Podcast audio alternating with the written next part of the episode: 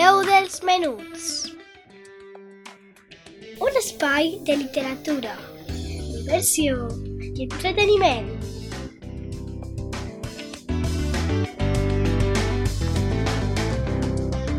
Amb Laia Esteve.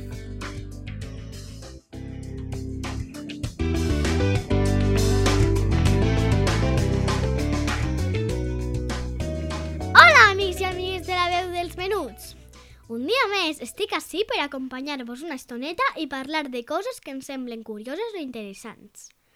El ratolí Pérez fa temps que no para de venir a casa a visitar-nos. A mi ja se m'han caigut moltes dents. De fet, l'altre dia em va caure un queixal i des de fa uns dies la meva germana Abril també s'ha unit a aquest grup de les desdentades i li ha caigut la primera dentoleta. Per això vull parlar-vos d'algunes curiositats de les dents. M'acompanyeu? Comencem! Entre les curiositats de les dents, sabíeu que les dents es poden donar a la ciència? A Espanya no és molt comú, però a Noruega els nens poden donar les seves dents de llet i així poder ajudar a la ciència. Aquestes dents, junt amb una mostra de sang de la mare, poden ajudar a saber com afecta la salut entre mares i fills. També està la dent de Buda. Sabíeu que la religió bu budista conserva com a objecte sagrat una dent que seria del mateix Buda? Aquesta dent està exposada a la ciutat de Kandy, a Sri Lanka, que s'anomena el temple de la dent de Buda. Després també tenim la dent de John Lennon. Abans de morir, el cantant dels Beatles va donar la seva dent molar amb càries a la filla de l'empleada domèstica.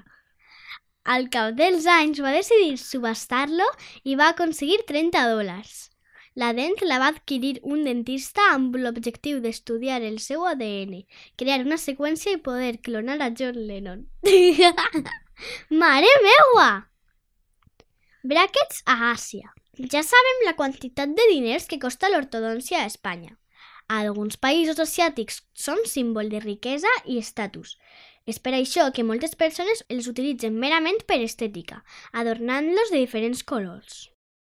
I sabíeu que també existeix una part de la població amb una dent ubicada en una altra zona del cos?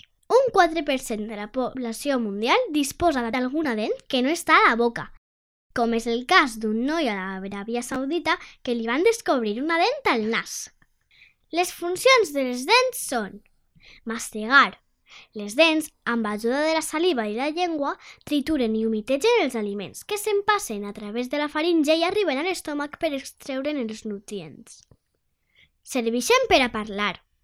Algunes dents serveixen juntament amb els llavis i la llengua per formar sons i pronunciar correctament determinades paraules. I també serveixen un poquet per a l'estètica. Les dents formen part del nostre aspecte. Les dents donen forma a la cara i faciliten l'expressió de les emocions. Els tipus de dents permanents són les incisives. N'hi ha 8, 4 superiors i 4 inferiors. Tenen forma de pala i s'encarreguen de tallar els aliments en porcions més petites.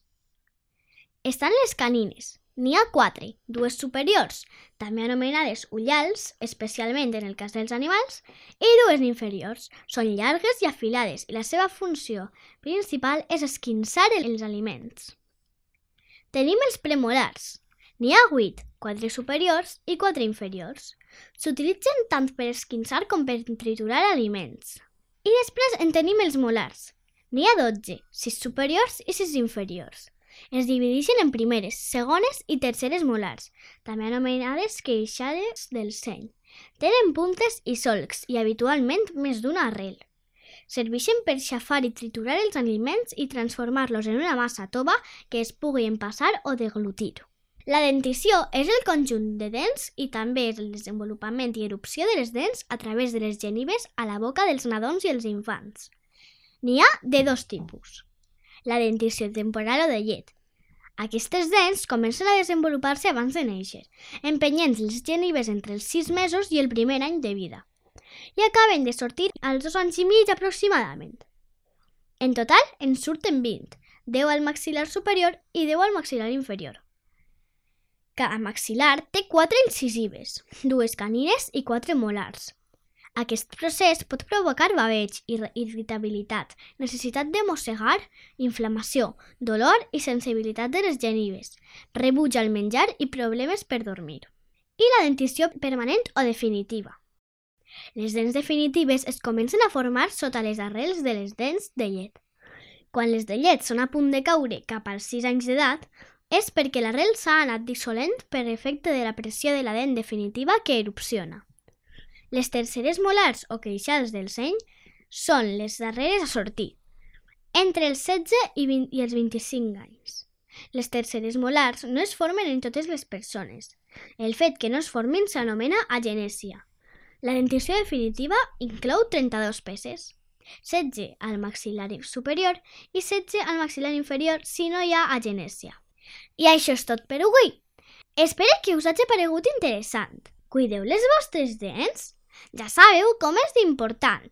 No oblideu deixar-me els vostres comentaris a les xarxes socials de la teua ràdio. Passeu un bon cap de setmana i, com sempre vos dic, cuideu-vos molt! La veu dels menuts. Un espai de literatura, diversió i entreteniment.